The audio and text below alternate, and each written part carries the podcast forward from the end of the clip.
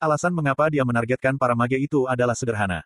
Jika teoriku benar, itu untuk mengkonfirmasi teori yang telah ia pikirkan di zona penalti. Klak klak klak klak.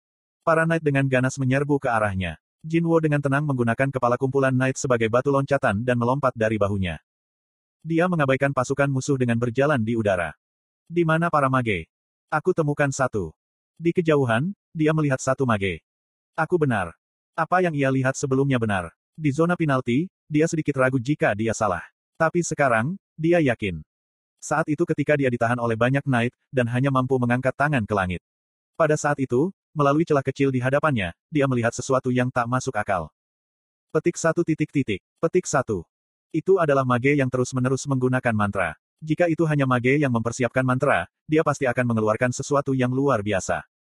Tapi pada saat yang singkat itu, Jinwo mendapatkan sedikit firasat. Lalu mengapa? Kenapa tak ada satupun mantra yang datang dari arahnya? Serangan padanya hanya diserahkan kepada para knight. Mage hanya terus-menerus membuat mantra, tapi mantra lengkap mereka tak menampilkan efek pada dirinya. Iya, kecuali saat mereka menggunakan skill deteksi untuk menghancurkan stealth-nya. Dan selama waktu itu, para knight di sekitarnya berhenti sejenak. Awalnya, dia mengira itu karena mereka kehilangan target. Tapi saat berburu ke labang di zona penalti, dia menyadari sesuatu yang sangat penting. Apakah setelah ke labang ke-8, Ketika dia mengalahkan monster itu, dia merayakannya dengan pesan tingkat atas yang muncul. Dan level up diikuti oleh pemulihan lengkap dirinya. Di saat kegembiraan itu, sebuah pikiran terlintas di benaknya. Tunggu, aku baru saja menaikkan level di sini dengan mudah, mengapa aku tak mendapatkan satu level pun di sana? Sistem telah memperingatkannya, jika naik level di sana, Dungeon tak akan memulihkan statusnya. Tapi itu tak memperingatkannya, jika dia tak akan naik level sama sekali. Bahkan, dia naik level 5 kali, sebelum mencapai ruang bos. Tapi, selama kues peningkatan kelas yang sebenarnya, dia tak mendapatkan satu pun level. Dalam enam menit yang ia alami, dia telah menghancurkan hampir 100 knight. Mage yang tak menggunakan mantra mereka pada dirinya. Knight yang tak memberikan poin apa pun. Dia tak terlalu memikirkan dua fakta ini, dan menempatkannya di benaknya. Tapi setelah beberapa saat, kedua fakta tersebut digabungkan menjadi sebuah teori di kepala Jinwo. Bagaimana jika setiap knight di daerah itu ternyata semuanya boneka? Bagaimana jika alasan mengapa semua Knight berhenti, ketika Mage menggunakan Eye of Detection? Bukan karena Jinwo yang menghilang, tapi karena Mage telah menghentikan casting mantra lainnya. Jika aku benar, sekarang adalah waktunya untuk mengkonfirmasi teorinya. Jinwo mengabaikan tangan-tangan terentang yang mencoba meraihnya dan menggunakan kepala dan bahu para knight sebagai jembatan menuju tempat mage. Petik satu titik titik. Tanda seru petik satu. Dia merasakan mage yang melihatnya dengan panik. Pembacaan mantranya dipercepat. Para knight yang sebelumnya berfokus untuk mengerumuninya. Tiba-tiba, mengubah pola dan membentuk dinding pelindung di sekitar mage. Jinwo praktis menerima kebenaran teorinya dengan ini. Step. Jinwo mendarat di depan mage. Tanpa satu ons keraguan, dia menusuk dada mage itu dengan dagger di tangan kanannya. Vital Stab. Stab. Tanpa suara, mage menghilang dalam kepulan asap hitam. Anda telah mengalahkan mage. Dan pada saat bersamaan, kolapse. Kesatria yang beraneka ragam yang menyerang Jinwo, semuanya jatuh. Mereka benar-benar seperti boneka yang benangnya terpotong. Knight yang jatuh, hanyalah armor kosong tanpa pengguna. Ini dia. Jinwo berteriak dalam kemenangan. Setelah melewati batas antara hidup dan mati, dia akhirnya mendapatkan jawabannya. Para Knight bukanlah siapa-siapa. Itu adalah para mage yang mengendalikan mereka. Membunuh mereka adalah tujuan sebenarnya kues ini. Tak menyangka jika korban pertama Night Killer adalah mage. Jinwo menatap jubah tanpa pemilik di tanah, sambil tersenyum. Sekarang, dia telah memperoleh ruang bernapas sebanyak itu. Tapi, dia tak akan menjadi ceroboh. Kues belumlah berakhir. Klak klak klak klak. Tanah bergetar. Jinwo berbalik. Knight lain sudah mengelilinginya. Pasti ada lebih banyak mage yang mengendalikan mereka.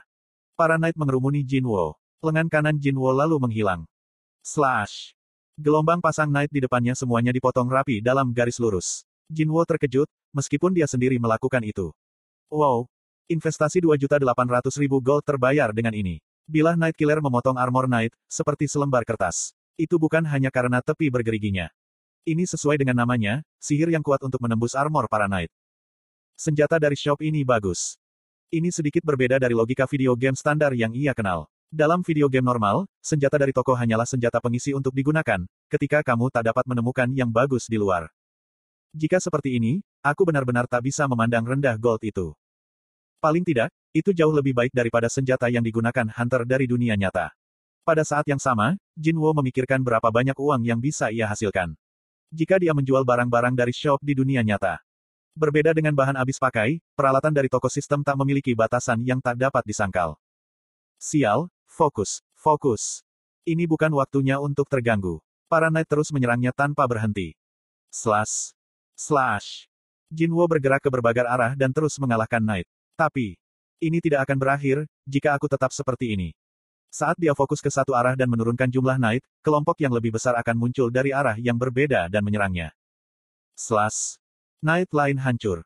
Aku harus menemukan para mage itu. Jinwo menggunakan mayat knight tanpa kepala sebagai tumpuan. Menggunakan bahunya, Jinwo melompat ke udara lagi. Still. So. Sosoknya mulai memudar. Tentu saja, ini bukan untuk menyembunyikan diri karena alasan apa pun. Apa yang dia inginkan adalah Seorang mage telah menggunakan Eye of Detection. Seorang mage telah menggunakan Eye of Detection. Seorang mage telah menggunakan Eye of Detection. Ding, ding, ding, alarm peringatan sistem terdengar di telinganya. Jinwo terus melompat dari night ke night lain, dan menghafal lokasi tanda yang berbentuk mata. Ada lima mage. Dia pergi untuk yang terdekat dulu. Petik satu titik titik. Tanda seru petik satu. Saat Jinwo berbalik menghadapnya, mage menjadi panik dan mengumpulkan para knight untuk dirinya sendiri. Tapi itu sudah terlambat. Wash. Kasakas Poisonet Fang terbang dari tangan kiri Jinwo dan membentur dahi mage. Crack. Anda telah mempelajari, Dagger Throw, level 1. Anda telah mengalahkan mage.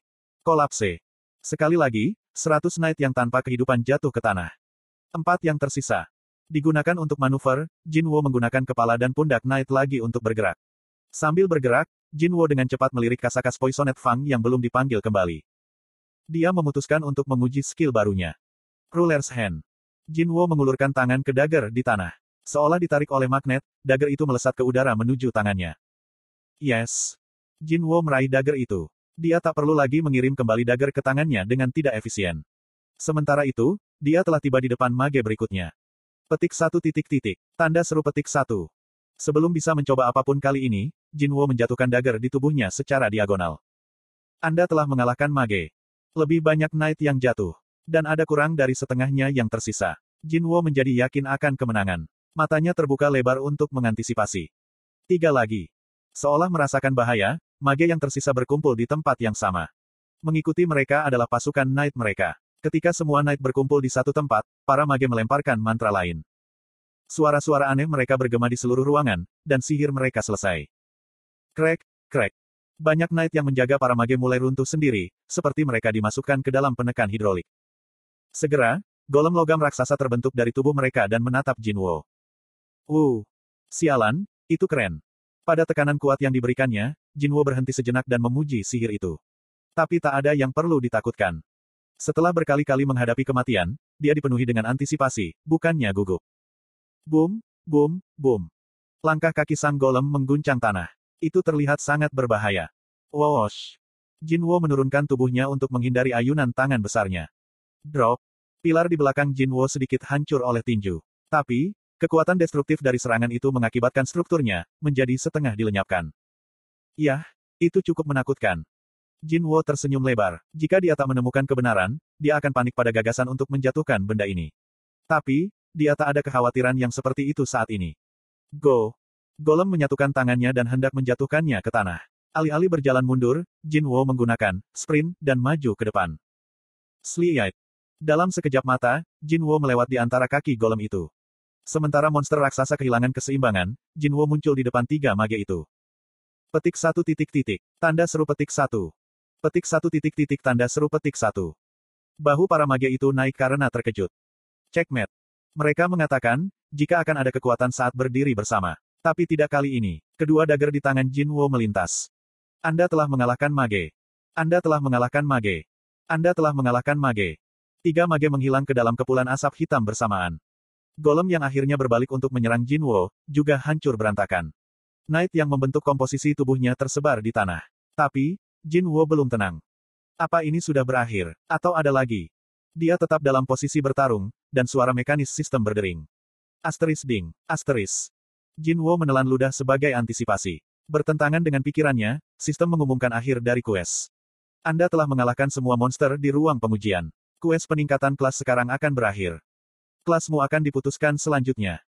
Bergantung pada poin peningkatan yang diperoleh, Anda dapat naik ke kelas yang lebih tinggi. Akhirnya, Jinwo menghela nafas lega. Wah, itu adalah pertarungan yang sulit. Jika dia memegang gagasan untuk menggunakan instant return stone sampai akhir, dia tak akan tahu rahasia dari pertarungan ini. Aku mungkin akan fokus, pada kapan harus mengakhiri quest. Melalui nasib buruk atau mungkin nasib baik, dia kehilangan instant return stone dan mampu fokus pada pertempuran yang sedang terjadi. Dan hasilnya sukses besar. Sekarang, saatnya untuk menuai hasilnya. Jinwo mengalihkan pandangannya ke timer. Pukul 4.29, 19. Timer dihentikan. Dia berhasil bertahan hampir empat setengah jam. Tak hanya itu, dalam quest di mana dia hanya harus bertahan. Dia akhirnya membunuh semua monster dan mengakhiri quest itu sendiri. Memikirkan berapa banyak poin yang akan ia peroleh, dan apa yang akan dia lakukan dengan poin-poin itu, jantung Jinwo mulai terpacu. Tindakan player akan dianalisis untuk menentukan kelas yang sesuai. Berikan aku yang terbagus. Jika sistem menggunakan tindakannya sampai sekarang, untuk menentukan kelasnya, ada sedikit kemungkinan, dia menerima sesuatu yang tak sesuai dengan gaya bertarungnya. Itu adalah berita hangat. Kehadiran Dewa Kematian mengikuti ke mana player pergi. Jalan yang dilaluinya ditaburi mayat dan bau darah mengikutinya. Petik satu titik petik satu. Jinwo merasa itu terlalu berlebihan. Tapi ketika dia memikirkannya, dia tak bisa untuk tidak setuju. Yah, itu semua untuk naik level. Setiap kali dia memasuki instan Dungeon, dia membantai monster yang respawn sampai dia tak lagi naik level. Di Dungeon normal, dia menyisir setiap sudut untuk bisa membunuh semua monster. Dan bukan karena dia menghasutnya. Tapi, dia telah membunuh beberapa hunter juga. Dewa kematian, mayat, dan bau darah. Tak peduli bagaimana kamu menganalisis itu. Seperti yang pertama kali ia duga, sepertinya kelasnya adalah Assassins. Player merindukan kekuatan yang besar. Tapi, tanpa mengandalkan kawan, dia membangun jalannya dengan kekuatannya sendiri. Jinwo mengangguk sambil mendengarkan. Dia setuju dengan analisis sistem tentang dirinya. Sejak awal, aku tak pernah punya orang yang bisa diandalkan. Tetap saja, Jin Wo tidak yakin mengapa sistem melakukan ini jauh-jauh ke dalam menganalisis kepribadiannya, ketika semua yang dilakukannya adalah menentukan kelasnya. Sistem terus berlanjut. Keinginanmu untuk kekuatan besar cukup kuat untuk memanggil roh-roh yang berkeliaran di lembah kematian. Melalui pasukan undet yang akan mengikuti setiap perintahmu, Anda akan dapat membangun jalanmu sendiri tanpa bantuan siapa pun. Undet Army. Di sanalah Jin Wo menyadari ada sesuatu yang salah. Tunggu. Sebelum dia bisa protes, sistem menggunakan nada tenang yang selalu digunakan untuk menyampaikan hasil. Kelas Anda adalah Necromancer. Apa?